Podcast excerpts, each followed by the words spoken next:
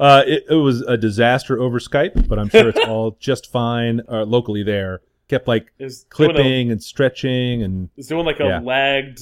You would say something and it would Err, a pause for a Yeah. second, then catch catch back up. Yeah, that's how I really talk. weird.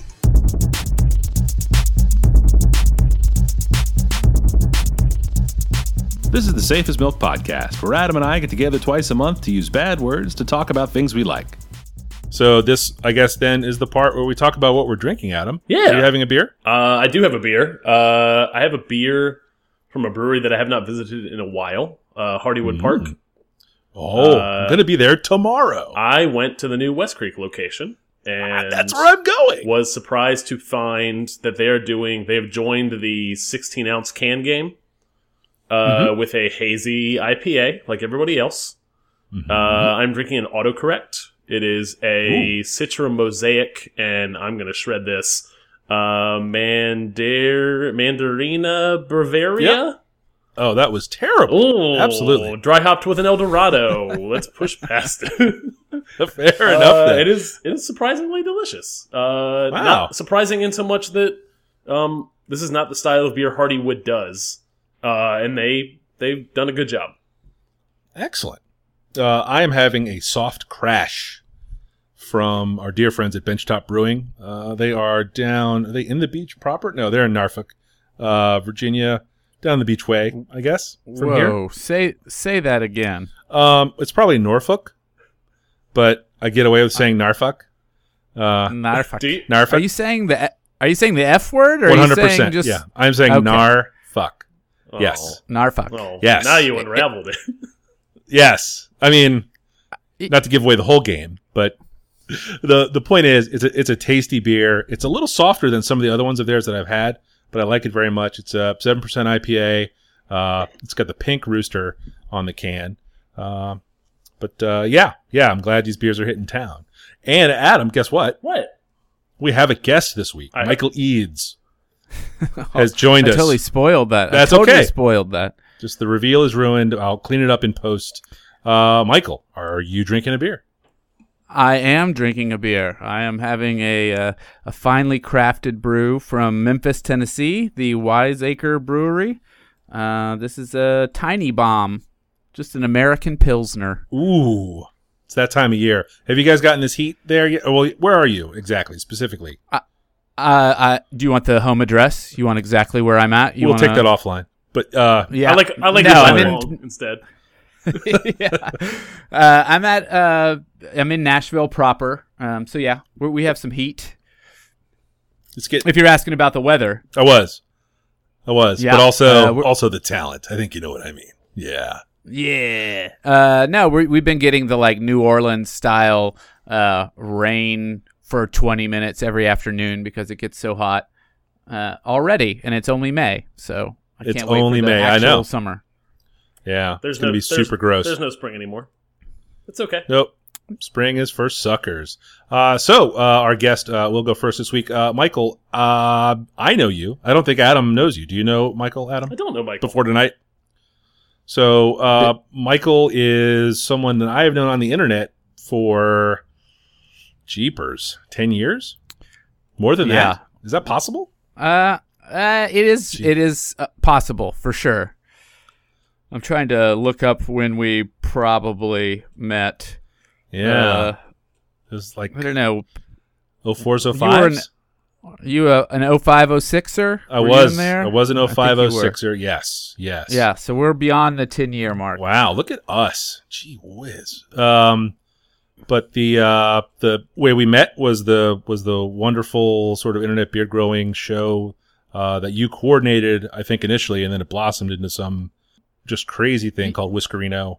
Yeah, I mean, I think for the uninitiated, there's probably a bit of uh, background context there to make it sound less weird. Mm. But uh, in t- 2005, actually, in like 2003, I started an online beard growing contest where you would take a picture of yourself every day and kind of document your progress of your beard growth. And like there would be different themed days, like like you would have in high school, like a spirit week kind of thing.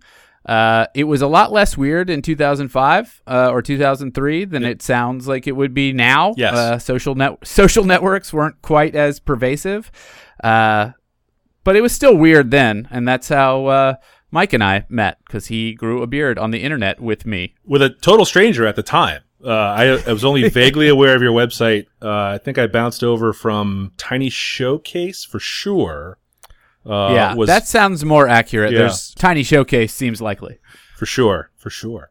Um, okay, before we get to the picks, though, Adam, do the thing that you always make me remember. I do. I make you remember that we have uh, other places that you can follow along uh, from home uh, with Safe as Milk podcast. We are at underscore Safe as Milk on Twitter, and we are at Safe as Milk podcast on Instagram, uh, as well as show notes, which can be found at safeasmilk.fireside.fm.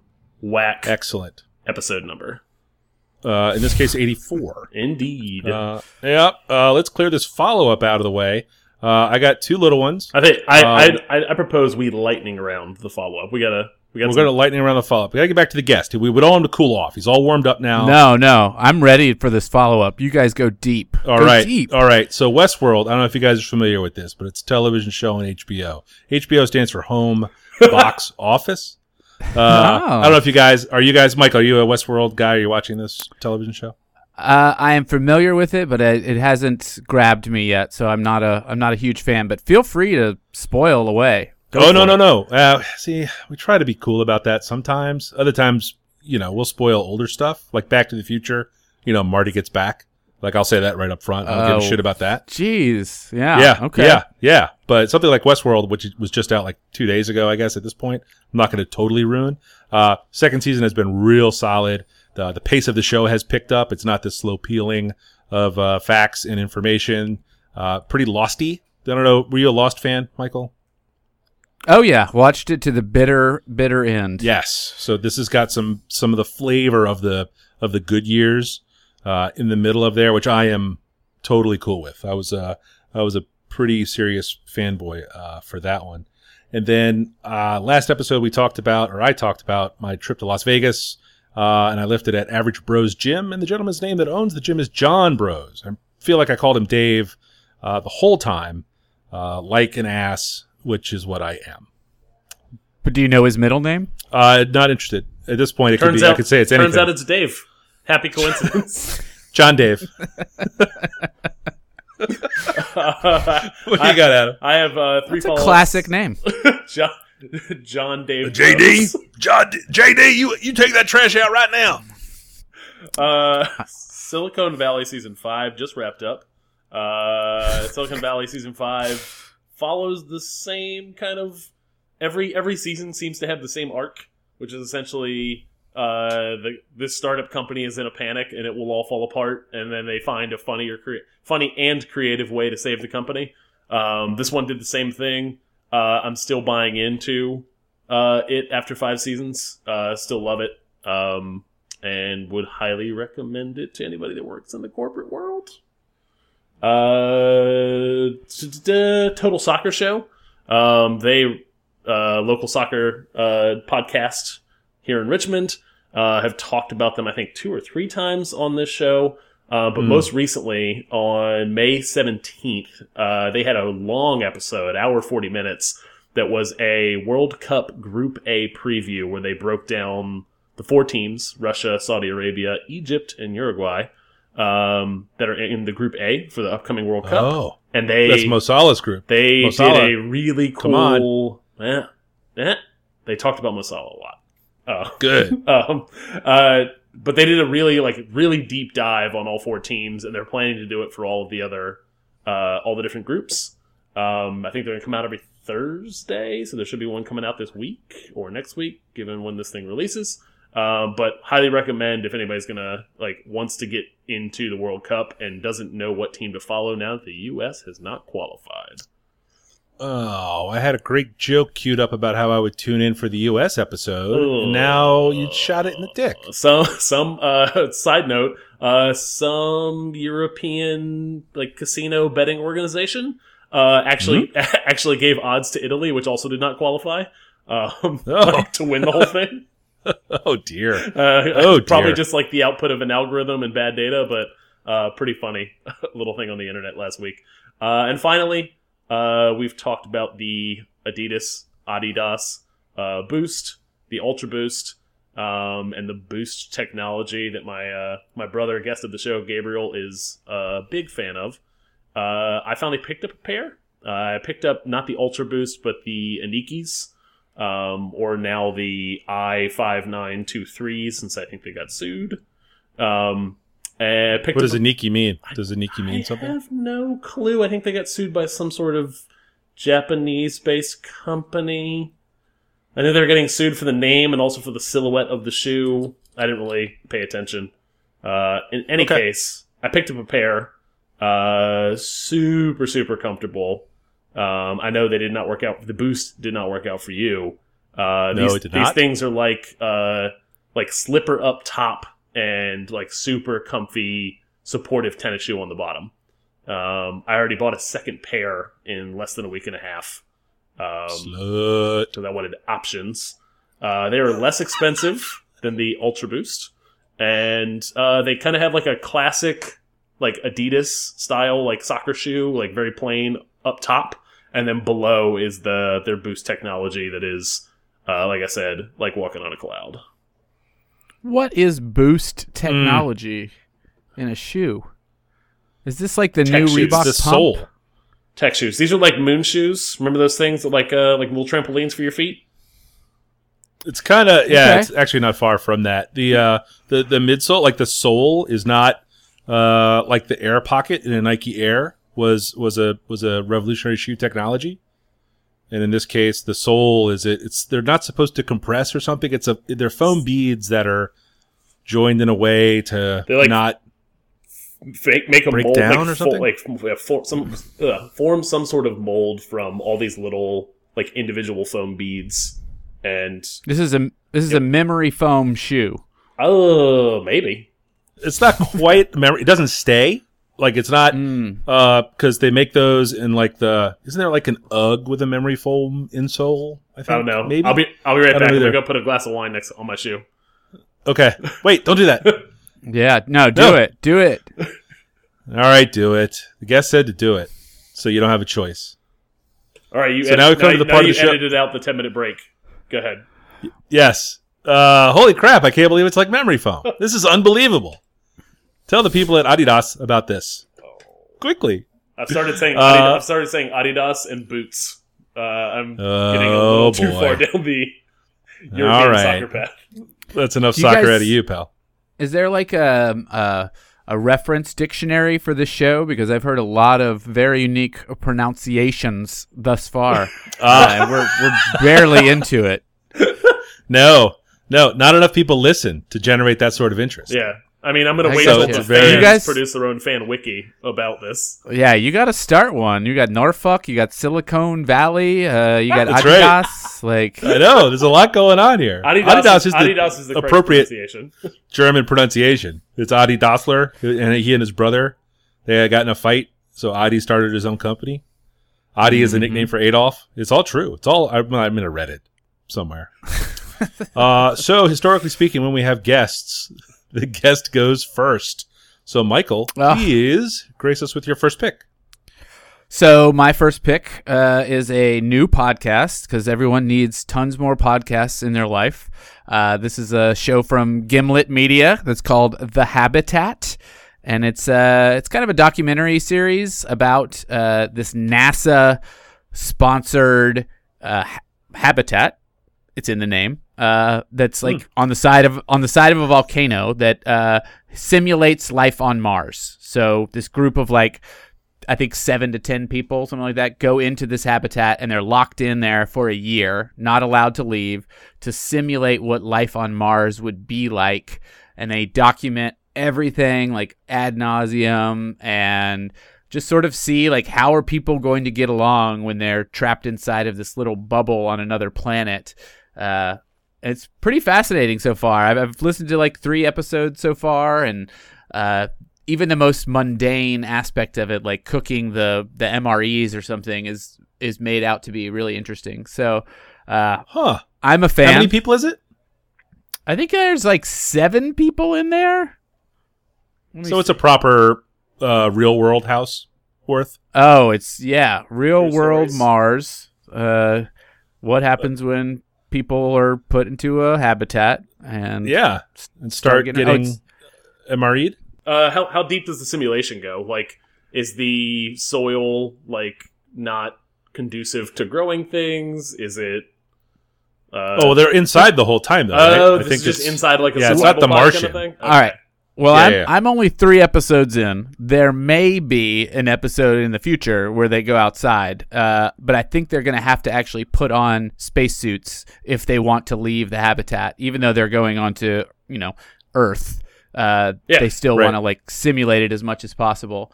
Uh, I don't know. I just found it really fascinating that like NASA kind of put this thing together uh, as they eye putting humans on another planet, and uh, really their number one concern is how quickly are these people going to kill each other. Uh, oh, is that something they talk about? Oh yeah, I mean they in the first episode they go over like how the the captain of the team is like scouting out the area before they go in the habitat and they just start getting into a fight and the doctor in the group doesn't want the group to split up because there wouldn't be any uh, medical assistance if something happened to the other group and they just start bickering like right away and you're you just think like well being being trapped inside of a room that's 30 feet wide for 365 days is not going to make you get along any better. No. Uh, Not at all. Yeah, they even simulate like uh, internet access. The the episode that I'm listening to right now, like uh, the terrorist bombing in France happened while they're in the bubble, and one of the participants is French, and so he's looking at the internet, but it's it only refreshes every 30 minutes, like it would if Oh, you were in space. Like, uh, so he's like desperately trying to get updates from people. So he'll send an email, but it can only send every 30 minutes, and it can only receive every 30 minutes, and you know, bit of drama there. yeah, yeah. And if it's a Gimlet show, it, it sounds good. I mean, it's probably pretty clean and well produced. Yeah, absolutely. Yeah, those guys do a good job. Do you listen to other Gimlet shows? We've talked about a couple of them here Yeah. in the past. Yeah, I mean, I listen to Reply All. Uh, I'm a fan. Uh, Yeah. What else do I listen to? I think I listened. To Did you ever listen to the- Startup? Did you give that I first listened to the season first- a run there? I love the first season of Startup. Uh, it's very similar to Silicon Valley, in my opinion. Uh, Yes. just like a, a bumbling idiot somehow found himself with a lot of money. Yes. Yes, just out of nowhere. And the guy Yeah. he's asking for the money keeps saying like, "You asked me wrong. Ask me again." no, I, you did it wrong. It's kind of try it I- one more time. I actually found it a little infuriating because it was like they're going to give this guy the money. He's going to get the money, and he has Yeah. no idea what he's Yeah. doing at all. None whatsoever. Yeah. But the other, the the last aspect of the habitat that I think is interesting is that, uh, or at least notable. I don't know if it's interesting. They commissioned or licensed uh, a bunch of uh, David Bowie covers of Space Oddity because, haha, how appropriate is that? Uh, this is a Mars habitat, and the soundtrack is like maybe a little too much. I mean, seven covers of Space Oddity. It, that's hard for anyone to to swallow, especially in one sitting. Uh, but some of them are good. Some of them are very bizarre. Uh, but it's at least worth a listen to make your own judgment call on if it's good or not. Are they Very are they cool. I like- using those different covers as like intros or just played played throughout the Yeah. the episode? No, they're they're like uh, uh, outros most of the time. So Oh, okay. yeah. My number one this week is uh, the first two of a series of four novellas from an author named Martha Wells, who has apparently a prolific author in science fiction and in fantasy. Uh, these are as a group called the Murderbot Diaries, and they are the story of uh, it's it's science fiction. Uh, I don't know. It's probably in the realm of hard sci-fi, but it's in so far away that she doesn't have a ton of room to explain it all because they are so short. Uh, they both check in at like 150, 180 pages, so they are uh, a nice little bite. Uh, the first one was a Nebula Award finalist, which is American Science Fiction Award. So on that recommendation, or that, or I guess, finalist for an award. I gave it a read, and it was uh, it was pretty quick. It was uh, sort of well done. Uh, the idea is that in the future there are uh, humans, there are augmented humans, which are in the probably 80-20 human to robot ratio, and then there are these security bots that are much more on the robot side. They have some soft parts, but they, you know, have guns built into them. There are security bots and sex bots and I think one other kind of bot that are more that are on the RoboCop end of that scale. Mm. And this is a story of a security bot who uh, hacks his governor so that he does not necessarily have to obey every command he has been given, and you know, just sort of a couple of philosophical questions, and uh, it's all done in the first person. Uh, the way they talk about, or the way she uses his voice as the first person narrator, and as a robot with some sentience, was uh, a decent hook. The first story is kind of cool and neat. Uh, the second one has a couple of really neat, like even cooler ideas. Like if you expand on the idea of robots that are so uh, so much processing power that they are on the cusp of sentience, but they're not human, and how they relate to one another and to humans and to semi-humans uh, was pretty interesting. Uh, the third and fourth are due this year. I think the third one's due in July, and the fourth one is due uh, in November. Uh, I'm going to keep an eye out for them.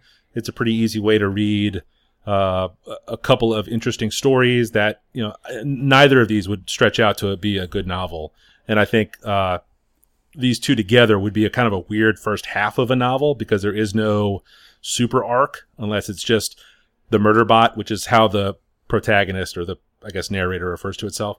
Um, uh, So I mean, did you there- say there that the some- did you say that Murderbot does have like twenty percent human in them, or Yes. Or- yes, okay. it has a face. It has some body parts, but they're all uh, because it's the future. They have little cubicles they go back into, and there's a uh, sort of uh, soft tissue repair installation. So it fixes their like metal robot parts and it repairs their human parts. So they you know, they don't think anything of jumping in the way of uh, danger because you know they'll just get tossed back in the in the cooker to regrow it all out. Um, So you mentioned uh, sure? you mentioned that it's first person narration. Is it Mhm. is it is any of that done in like a more of like a robotic tone, or are we talking all like it could be confused for essentially a human telling the story? Uh, it is like, um, uh, it, it comes across as a human because there's enough human in there. You know, it's not like, oh no, sector two, zub zub, like static dot dot dot or whatever. It's uh, what a what you a know- book that would be. I would love it would if that's a- what you read. that would be a tough one. Yeah, uh, it's a much better comic. I got to tell you, the uh, uh, it, it reads almost like someone waking up with amnesia, and they and they quite don't quite understand why they feel the way they feel about things, and they're uh, it's some some of it is Murderbot trying to, uh, guess, live outside of its governor, the governor module that made it so easy to control. Um, a neat little world, you know. You know, in 160 pages there's only so much world building you can do so not a lot of time is spent like and then in the olden days and this is why earth is you know why humans left earth Yeah. it's all just sort of understood like here we are and this is where we're going That's kind of better though. Um, I mean, I like I like a, a very like ambiguous sort of environment like having all of your questions answered as a, a viewer of movies or a reader of books or whatever like is kind of aggravating in my opinion like i would like to leave some of it to me as i'm reading it you know definitely and this i mean i i love a well-built world like i'll the george r. R. martin stuff is really cool because it's to the meals they eat detail but i don't want that all of the time and this is done this is the opposite of that and i think done pretty well. I just came out of a longer novel um, which had a lot of that sort of uh, super depth and high detail. Uh, and it, that was also it was good. It wasn't as good as it was supposed to be which is super bummer. Um, but these have been very easy reads punched them both out in a week kind of thing. As a slow reader that's real fast. Um, it's it's no rivers of london which is another series that we've talked about on the show that i tear through Um, but it's good, and I would I would definitely recommend uh, Martha Wells' uh, Murderbot Diaries. I have a book from my first topic this week. What? Uh, uh, no, copy, Coffee Cat. Um, the uh, book is Sleeping Giants. Uh, it is one of three uh, in a series called The Themis Files uh, by Sylvain Neuvel. Um, and it is also a series. Uh, it's a series that I tore through. It's a series that I finished in, rather, the first book uh, in a week and a half. Um, I continue to listen to primarily all of my books on Audible. Uh, this is uh, one of the same. Uh, this book is the first book ever I've listened to in audio that felt like it was maybe built for audiobook. Um, the the structure is that it is a it's a sci-fi book. It's a young girl riding a bike, falls into a hole, uh, and lands on an alien artifact, a giant metal hand. Um, and uh, the government comes in, scoops up this this thing, and uh, jump forward 17 years later, and all of the rest of the book is done as interviews from a government agency with people who work on the research team for trying to figure out what this thing is, and uh, essentially progresses through probably eight to ten years of them discovering new parts and pieces and all of the kind of the story and narrative that plays out from there. Um, the uh, audiobook is all every single character is a different voice actor. Um, and there is uh, some backing music and a little bit of occasionally backing special effect. Um, and I don't Oh, so it's like a I- it's a radio play. I, don't like I- I- it feels a lot. Actually, a lot- it reminded me a lot of the Steal the Stars uh, podcast uh, that you brought to the show uh, previously, Mike, where it, Hmm. it feels exactly like a radio play. Like every, almost everything in the book is dialogue between two characters. Um, occasionally, there are like like government files, like the, or like a log from like a satellite uh, feed, like watching a scene play out from from you know thirty thousand feet up, um, uh, or or you know a newspaper article or a newspaper article or clipping uh, describing an event that occurred, but uh, again primarily audio logs and interviews. So that's a little bit like uh, the Passage books, where there was Yeah. every so often there'd be a short chapter that was like a report or a yes, uh, yeah, like a Or those- declaration. Very- very and all that similar. Stuff, yeah. Those new Twin That- Peaks dossiers are kind of like that as well. Oh yeah, yeah, yeah. Or the or the oh shit, what was her name? Um, when he he hits the tape recorder, who's he talking to? Oh shit. Oh yeah, In but they Twin show you that in, in season three. I haven't watched it. It's weird. I don't want to get off topic, Yeah. but it's weird. No, no, no, no, no. off Is topic it is good. good though? like, what's her Diane? Right? Yeah, Diane. Yeah, you meet Yeah, Diane yeah, in yeah. season three. Spoiler alert. What? Yeah. that is a shocker. That's almost reason enough to watch it. I mean, Almost. the eighth episode, episode eight of season three of Twin Peaks, regardless of if you've ever seen another episode or want to watch an episode outside of that, just watch episode eight. It is, uh, it's like some avant garde crazy shit that's hard to believe was put on TV. Uh, it's just really insane and weird and like, I don't know, maybe something like you would watch if you were a drug addled teenager, but it's, Oh, I don't know, it's really impressive. So that is Yes. that is more context than Twitter provided me whenever people watch that episode. And So that's actually a very interesting point because I was saying the same thing. There was a, a couple scenes in Westworld two weeks ago, and then are you watching Legion at all, Michael? Oh, yeah. It's Devouring it. Yeah, yeah. Like th- some of the visuals uh, in Legion consistently, but Westworld on occasion this season, there has just been some just avant garde, like you were saying, just like really, really far out visuals that may or may not be related to the story. Just like there, I had this idea of this thing I wanted to see, and I just cannot believe it's been on television. Like it's just Yeah. so far out. Yeah. Well, damn. Now I might really watch it. Yeah. Is it scary? Because I not- do not like scary things. Uh, Twin Peaks isn't scary. It's just weird and very scary. hard to comprehend. Well, Bob is the actor is dead, right? Like he doesn't show up much, does he?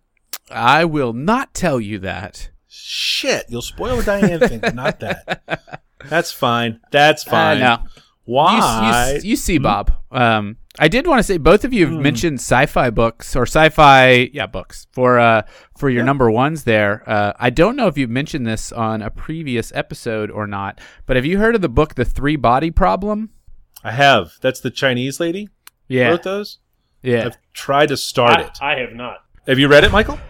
I did. I just finished reading it, and I was uh, pretty impressed by it. I think like it took me. I think it's like sixty pages in. You, it kind of clicks, but it, it is slow to get there.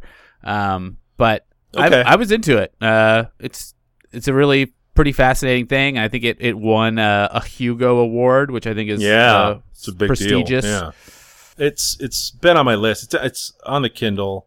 I just boy, I had a hard time with the first like 50 pages. I didn't realize I was so close. I will, you were I will, so close. I will go again.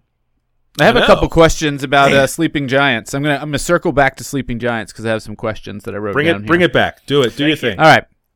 Giant Hand. Is it Iron Giant? Is it a, a crossover fanfic? It is not a crossover fanfic, uh, Hmm. although it's not a spoiler to say that essentially they find the, the parts and pieces of a giant robot. Giant Awesome. metal robot. Oh, Is Hmm. this written by Hollow Earthers? Do you know the Hollow Earth I don't know what Hollow Earthers are. oh, they're like So flat there's an offshoot worst. of Flat Earthers. No, I think it might. Well, it doesn't predate flat earthers because uh, very ignorant people thought the Earth was flat for a very long time until we uh, figured out horizons. But uh, the Yeah, Hollow but Earth, it could be a little more realistic. Yeah.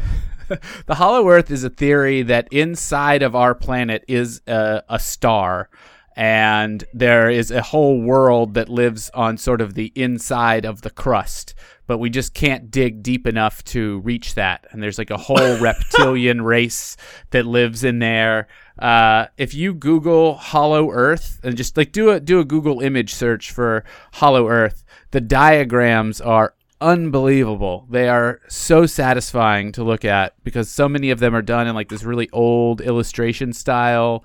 Uh, there's this one explorer that went to uh, the North Pole and apparently found the entrance to the Hollow Earth. Uh, it's remarkable. It's an incredible theory. It's as Uh, asinine uh, as the flat Earth, but it's I, neat. I, I, I, I accidentally stumbled into uh, just at work, just riffing and, and, and joking around. Uh, stumbled into this theory on my own as something more extreme and ludicrous than flat Earth. we we were heading to very short story. We were heading to a conference in Orlando. Our company was paying for all of it. Uh, someone found the flat Earth conference that was happening out in Colorado. Uh, we said we should spend our money and go there instead, or become a platinum sponsor because it was like to only two thousand dollars. Uh, and then and then my we God. got into all of the different speakers and sponsors who are going to speak in its Flat Earth uh, conference, and said, you know what, we could make money instead and come up with something more ridiculous than the Flat Earth conference, and it would be essentially that uh, that our reverse that, that the Earth is actually uh, that we live we live inside of a world inside of the Earth. And the sky is just a reflection, and we can't just see past a certain level of space.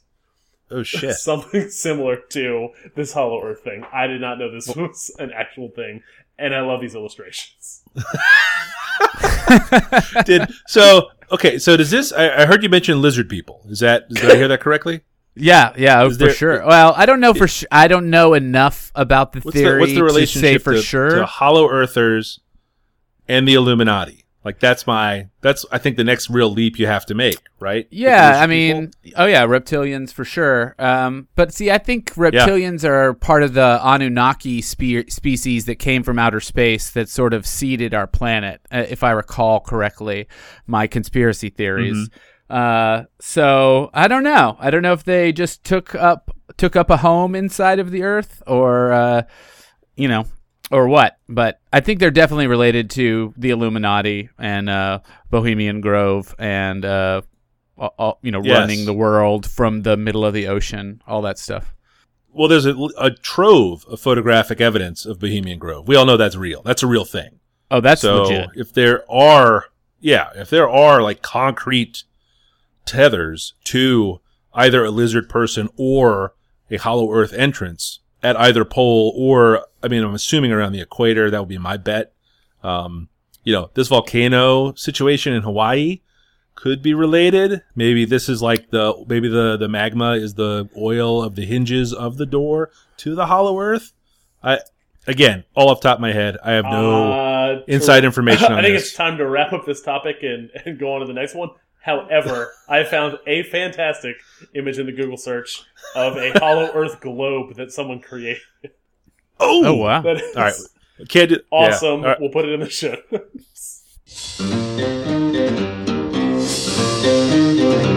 This this may be controversial just because it involves uh, one Sir Paul McCartney, uh, and people are very divided on their thoughts on Paul McCartney. Uh, you know, in terms of was he the best Beatle? Who knows? But to give you a little background, Paul I. McCartney. I actually do know. I yes, I know for a fact that he was the best Beatle. Uh, I discussed it at length in a previous episode, but uh, please carry, carry on.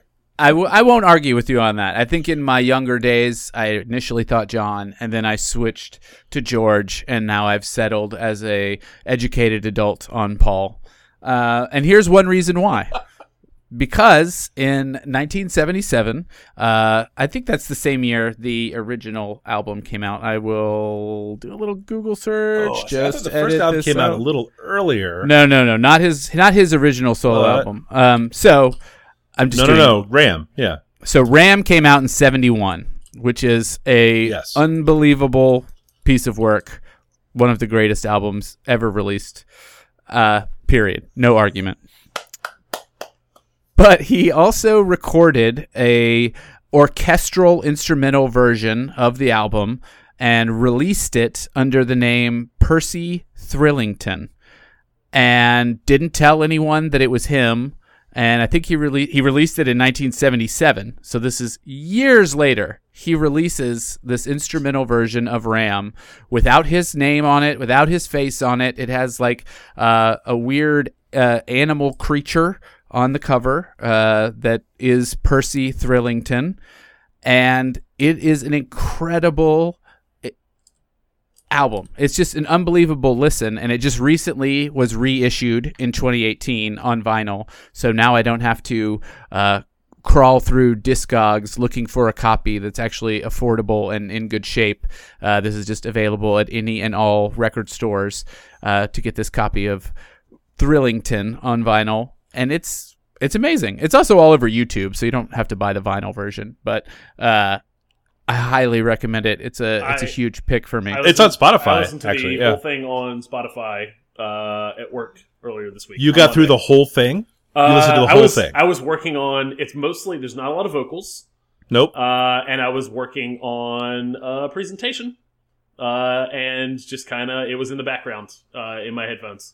So yeah, listen to the whole thing. and and you loved it. Interesting. I, I was actually more fast. Well, not so much. Um, I was actually much more fascinated with the the idea of a an artist releasing something under a pseudonym and how that would be near impossible now um, in the in the in the age of social media and uh, people just uncovering everything and just like not letting secrets lie. Um, and uh, it actually made me think of uh, Garth Brooks whenever he was Chris Gaines Chris Gaines, Uh, exactly. for a brief period of time. but he Um, told everybody about that. he that did. He secret. did. He told everybody about it. But the fact that I, looking at the wiki page for the Thrillington album, uh, the fact that uh, it was not he, he it wasn't actually revealed in any kind of official way until like 1989. In an interview, he admitted to being uh, uh, admitting to being this character or, or Percy. Uh, Yeah. and then uh, and then I think in the show notes he thanked himself. He wrote the show note, uh, not the show notes. Sorry, the album uh, notes, The liner, Um, yeah.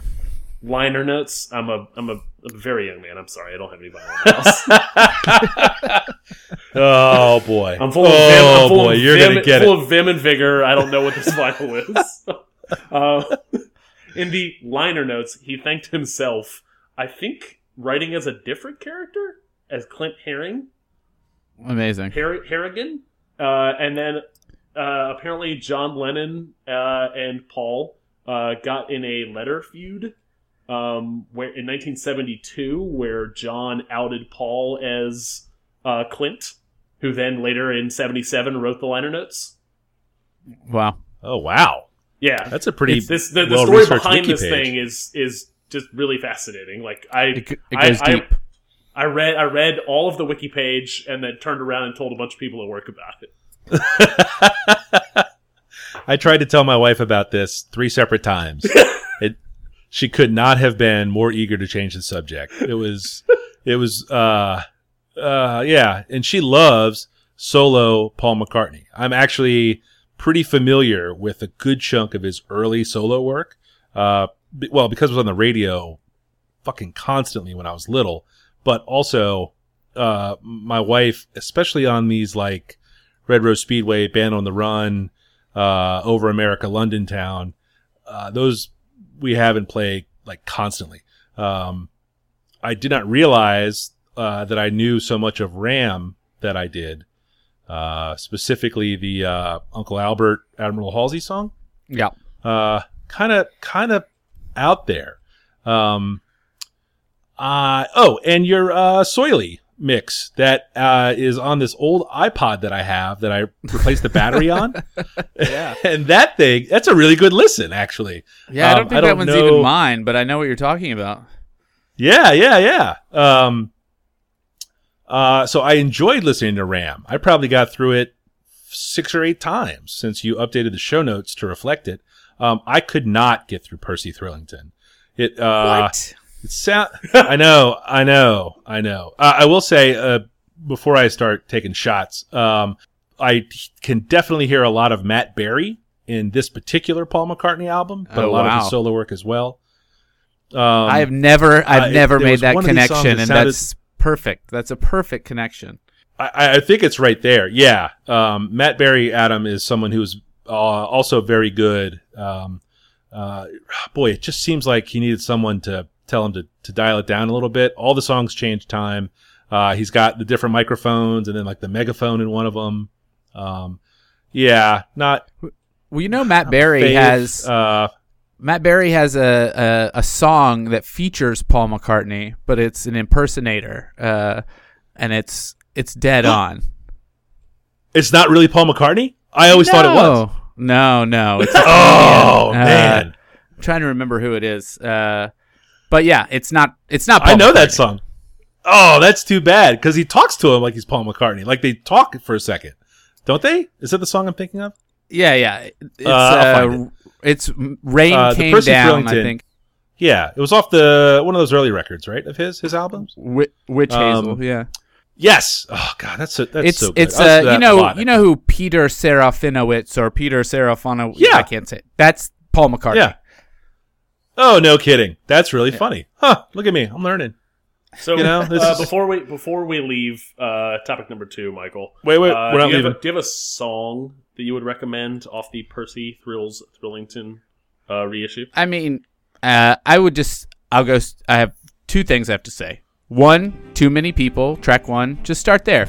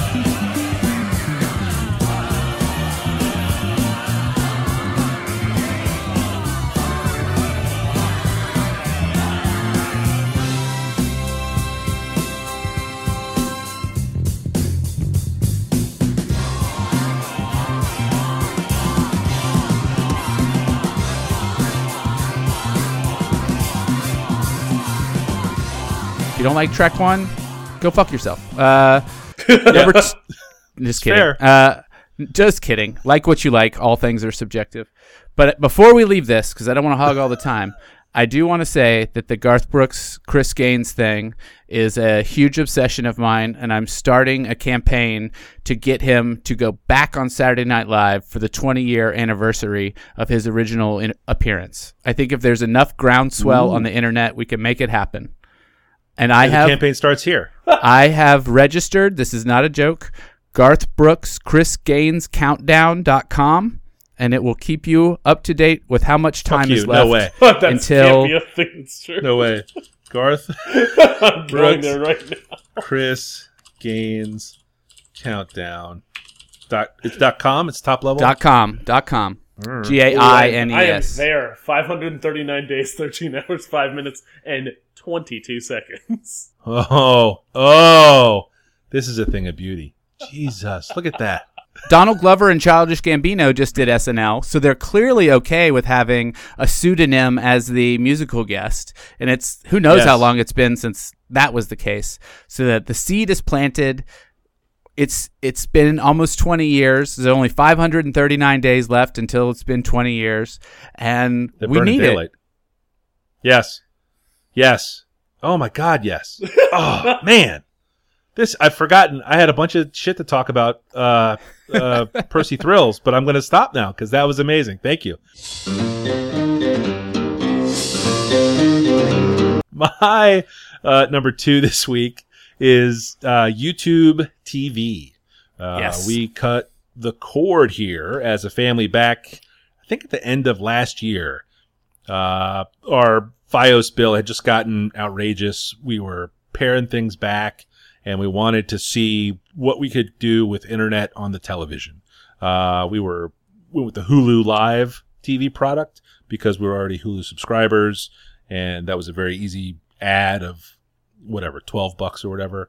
Um, it was. I've never been a huge fan of the Hulu app. We're Roku users uh, here at the house, and uh, never a huge fan of it. Uh, the way they just make you watch commercials is kind of shitty.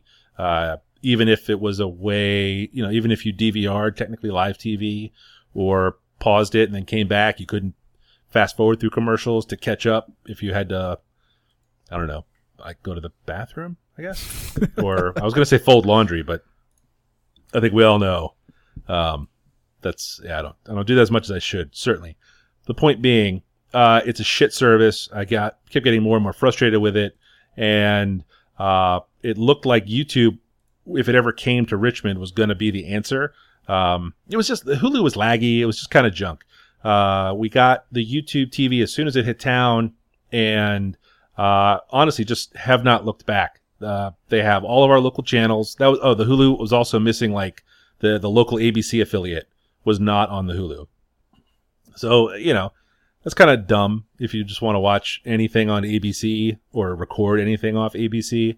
So uh, YouTube solved all those problems, and uh, we have loved it ever since. Uh, the interface is much better. It is on uh, tons of devices. Uh, Hulu, you were sort of locked into one person watching it, and if I tried to fire up the Hulu TV app to watch live television while Michelle was, you know, using it on her phone, it would kick the other one off. YouTube, since it's in the Google family, all of us can have our own we can all add our Google account to the YouTube TV installation. So I can be on the phone watching something live. Michelle can be on the TV and the kids can each be, you know, on a tablet or on a laptop and all fine. Uh, we all get our own DVR space. Um, the algorithm for recommending shows is not great. Like, like Netflix is really, really good. Um, Spotify's even better. The, uh, uh, recommendations, uh, get spread out or siloed to the users. You know, uh, when we got Netflix for streaming purposes, uh, all the algorithms got just killed from our young children just churning through all of the garbage television that children watch. Uh, so I was never getting anything recommended that might be okay. But that's all gone away now. If I if I am in YouTube TV on my account, it's like, do you want to watch this ball game or that ball game, or here's another ball game, or you know, here's some hockey, and I'm like, ah, thank you very much. Um, but it has been totally terrific for us. It's cheap as shit. It's like 35 bucks a month, 38 bucks a month. It's it's been the best. Are they are they bundling any of like the other YouTube services like YouTube Red uh, with that stuff? Do you They are not. to? Okay. No, which I think is a little bit bullshit. And I'm also maybe not sure how they would do that exactly because their YouTube content, you know, the the payment model for all that stuff is has its own structure, and this is they're paying channels. So I Oh, don't, I don't, Yeah, I don't, yeah. I don't know how they will blend that. I thought it was kind of bullshit, but um, and then the whole YouTube Music subscription that's coming is tied to the red side of the equation, not the TV one. Yeah, I think they'll probably bundle them together at some point. They might always be two separate products, but I can totally see like Yeah, just a slight discount if you get them both. Yeah, for sure. I mean, my kids watch a ton of YouTube, whether it's fucking challenge videos or or makeup shit or just you know uh, tons of what they consume on a screen is YouTube. So Yeah, me too. do you guys use this? Or you guys? Uh, you- we are we are unfortunately still uh, attached at the teat uh, to FiOS. We pay them a very large bill every month for cable. suckle, suckle, suckle, Uh, suckle. my lovely wife has zero interest in fighting against technology to watch the show she wants to watch. So she is happy for us to pay a large bill, and I don't mind the live sports and it just being easy. So, what's the what's the cost reduction here? You still have to pay for internet, so you're just not paying for Okay, TV so- channels. Well, I'll tell you, my FiOS bill was three hundred and fifty dollars, and that was shit. for seventy-five up and down channels, like the TV product, plus like HBO and Showtime, and probably Skinamax, or well, you know what I mean, because they bundle that stuff. Yep. Uh, and we had a landline forever and ever and ever. Um, and that was just the way we ran it, and it would creep up and down depending on how we got rid of like premium channels and stuff. When I went in and called to have everything cut out but internet to move to be the cord cutter, they just started offering a gig product here at my address. Um, it's not a true gig to out of the back of the modem necessarily because it's really made for multiple 200 meg wireless connections. Hmm. So if I run a speed test, like with one thing connected, it's not going to get me a, it's not going to show a gig, but 200 is plenty fast for anything. Um, Yeah. And then I just run, uh, the YouTube TV is, I think it's like $36 a month. You know, Wow. we still pay for Netflix, which That's we it. always pay for. and then for. you're paying for the other services, but but we were already paying so- for those anyway. So, so yeah. am I. I'm paying for those now. Yeah. Yeah. So we more than cut it in half. Um, I'm way happier. Uh, I've never run into any technical trouble. I've never run into a billing problem where I had to call and talk to Verizon. You know, you can't call and talk to YouTube. Right. It's been a huge success. Michelle was very concerned because she's a flipper. She'll just sit, you know, like that was just sort of chill time. We'd be just sit and flip through and find things. And uh, But you didn't lose enough that. at the YouTube TV. Nope, it's, it's all still there. I get this. All the sports that I would want to watch are available, and uh, it's been it's been terrific. I think the, the DVRs thing is the real kicker because my wife is not a flipper. She is a 10 to 15 shows like waiting in the wings on DVR all the time. Er. Yeah. and I think that's that would be the the nail in the coffin for our cable bill if if she just had easy to use DVR on a It's- single service. It is dead easy. Like uh, really, I mean, like like really, really, really easy. And because we watch it on the Roku, um, I bought that Mets package. I just bought the MLB app, and that just lives there. Oof. Hey, hang on. Not dead. Well, Not dead. dead. Super alive. Unfortunate for your family. But that's my number. Hey, That check was going to be so big though. It, wa- yeah, that's true. Actually, they they would be fine. Oh, well, on that's the my number two. on the topic of YouTube, uh, I pay for YouTube, uh, what's called YouTube Red right now, but it's changing to YouTube Premium. I pay for that, and it is it is worth every single penny to never see an ad on YouTube. It's the greatest thing. I don't care about the exclusive content, but no pre-roll ads is phenomenal. Yeah, That's pretty solid. probably pretty awesome. How much is that? Was it like eight or nine bucks? I think it's nine bucks, but they might be raising it to twelve because it does include the new music thing. I think. Oh, that's right. Yep, that's what I read. Yep. So is that a streaming music service to compete with like a Spotify? Yep. Yeah, and I think they're taking away. I think they're going to start maybe digging through and trying to get rid of a lot of the uh, free music that's out there, like the Uh, okay. Yeah. bootleggy stuff. They'll never they'll never kill all the mixtapes I listen to. No, and I think Vevo is probably pretty secure, but um, yeah, there's ads all over that stuff. Oh, do you get the pop up ads too? gone? Oh yeah, I don't zero ads. It's wonderful. Oh shit. Yeah, that might be one to look at. Hmm. Let's get your bill. Hmm. I want to get your bill back up to 300 something a month. back up there. Let's do just it. Just a la Let's carte, do just it. build it with every possible service. Uh, my final topic is a new podcast uh, that I started listening to this weekend, and I listened to all of season one uh, while while doing a garage project because I loved the I loved the show a bunch. Uh, it's Work Life with Adam Grant. Um, he's an organizational uh, psychologist who uh, is one a professor, um, and two, when not professing, uh, goes out to big companies and consults on how those big companies uh, structure themselves and manage their people and essentially get work done. Um, and the podcast is each episode deals with a concept in work life um, and focuses on a company that does uh, does that concept well. Um, uh, the idea of taking criticism, uh, group brainstorming, personality test, humility trust, uh, a bunch of different stuff. Um, the uh, interesting ties to the uh, the Mars uh, podcast, The Habitat, uh, that Michael brought up earlier. Uh, one of the episodes focuses on uh, how do you build trust uh, with people that you might not necessarily like if uh, as a person, um, and it actually focuses on how uh, NASA uh, does that uh, by sending astronauts out into the wild to survive together um, before they ever go up in space. Um, it talked about essentially the only way to build trust is through vulnerability. Um, and a lot of people get that in reverse. So vulnerability comes after you have trust, essentially being vulnerable around people. Um, but actually, the way to build trust is actually to be vulnerable first, um, and surviving um, in extreme conditions actually kind of is a fast way is a, is a fast track to doing so.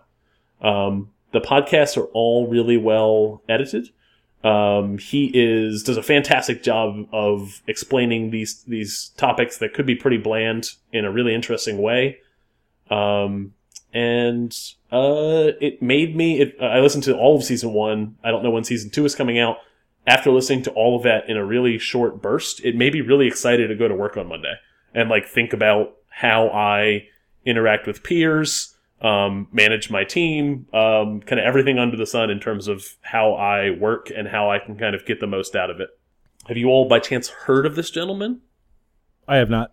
Uh, the only reason I heard of him is because Malcolm Gladwell's revisionist history podcast, which I've talked about on the show previously. Um, it is coming. Season three just kicked off. Episode one just came out, but as a prequel to the kind of season three kickoff or a little a little sampler, there was a a, a full like forty five minute interview. Um, Adam Grant interviewing Malcolm Gladwell. Um, that was just a really entertaining uh, interview to listen to, um, and made me jump over and listen to Adam Grant's podcast Work Life um, in its entirety. So did you listen to that this past weekend? Like we're recording this Yep. on Okay, so Yeah. do you do you feel like it's been it's been now 2 days at work? Do you feel like you were Yes. able to to even in that short amount of time I do. of It actually it. it You know it- what I'm it, saying. uh, Go for it. This is the kind of yeah. I- I feel like I feel like it is not. I did not kind of like it was not a wind in my sail that quickly died. Um, at least not yet. It's only two days. Um, but it, it reinforced some things that I already try to do, and also kind of maybe helped me self identify some flaws in some of the ways I manage my team, um, or, or at least the idea of experimentation. And that's a lot of uh, what the show focuses on is um, not taking the extreme that every company might take these concepts to, um, but at least experimenting and seeing what works, experimenting in how you work, how how groups work together, and learning from those experiments.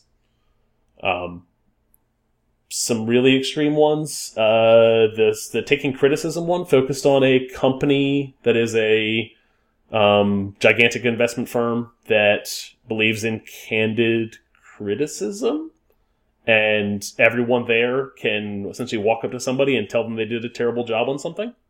Um, but the culture there is to take that and try to get better because of it, not not the traditional way that I when I receive criticism, where I essentially put up a wall and stop talking to people. 'Cause Um, you're a bitch. Yeah. yes. Uh, uh, there was How in the world does that essentially- work? How how does that work? Humans are not wired that way. and that's that's actually the, the majority of the episode talks about the way humans are wired and trying to untangle that wiring and the kind of the the the initial the brain's initial reaction to that stuff and then if you can get past that stuff what you can do to build from it But maybe devil's advocate, maybe spoiler alert, but uh Sure. do, is that something that should be untangled? Should criticism be uh that brutal and not sort of uh you know, laid out gently? I, I, I, I can see I can see the problem they're solving for because uh, I've spent all of my adult working life in a corporate in a large corporate environment, and the majority of the the majority of interactions essentially is all thumbs up for everybody. It is all uh, even if someone's not doing a great job, uh, the idea that you would go and tell them that, yeah, even in like a very soft way, is is never kind of getting to the the the quick or to the core of it and and actually providing real criticism that someone could use to become better.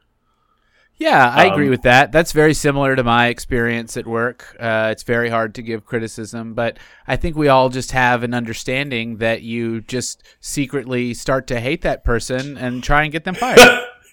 yes. So uh, and actually The for- American way. yes. Uh, one of one of the one of the kind of of that in that episode, one of the uh, major takeaways for Adam Grant was this is definitely not for everybody. Um, the the level, the extreme level this company takes this to, um, but it's definitely something to consider when thinking about how you give criticism at work, and and you, it doesn't have to be as blunt as some of the criticism that was kind of on display in the show. It sounds awesome. I'm, I'm Um, super interested to hear the working yeah. for yourself episode and the humility one. That sounds uh, sounds great. Yeah. Uh, I don't know. My Yes, work life's Michael? kind of a shambles. I don't. I don't want to fix it. I really got a good rut.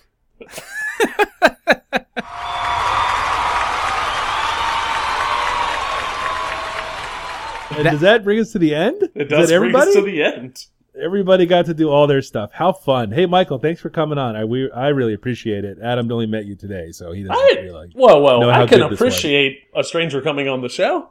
Yeah. Yes, of course. Uh, Michael, I know you are a man of many interests and uh, avenues of expression. Please take a moment and share some of them with us. Oh yeah. Uh, so I have a small independent record label called YK Records uh, with lots of great artists that I would love for anyone listening to this to go check out. That's at ykrecords.com. And then I also have uh, a little podcast network focused on the Nashville area, which I don't know why uh, your listeners would necessarily have any interest in that, but it's a endeavor that I'm very passionate about at the moment. So that's at weownthistown.net, and it's a it's a little family of podcasts that I help produce, and uh, I'm very happy with it so far. So go check out those two things. I also have a blog called yewknee.com, Y E W K N E E, and that's how I know Mike, and that's how this whole thing came together 12, 15 years ago. So I guess I have to plug that as well. But yeah, uh, those are my three big ones. Awesome. That's all. That's all terrific. Uh, if someone wanted to uh, reach you via social media, Oh, yeah. we would definitely not recommend reaching out directly. Is that something you would want to share with us? Yeah, yeah, that's totally cool. I am yewknee on just about everything. Y E W K N E E. If that sounds like a nonsense made up word, you're right. It is. It really, really is. Uh, hey, Adam, where are you on the internet? Uh, I am at Rec36 on Twitter, uh, where I mostly retweet uh, highlights from NBA games. Um, and And I hurtful am- things about the Knicks. Come on, be honest, you prick. uh, I would never. Uh, and I'm at 180 lunches on Instagram, where I have, oh man, I've just fallen off the wagon in terms of drawing every day. You got for- senioritis. for yeah. my son's lunch. However, uh, I've recently been doing a lot of graphic design stuff. Um, look look there for uh, some sampling of some of the work I've been doing. Excellent. Uh, I am Falfa. That is F A L F A everywhere on the grams and the tweets, and I am at the dot com uh, where I blog a little bit. Uh, Michael, thanks again. I really appreciate it. Thank you so much for having me. Appreciate it.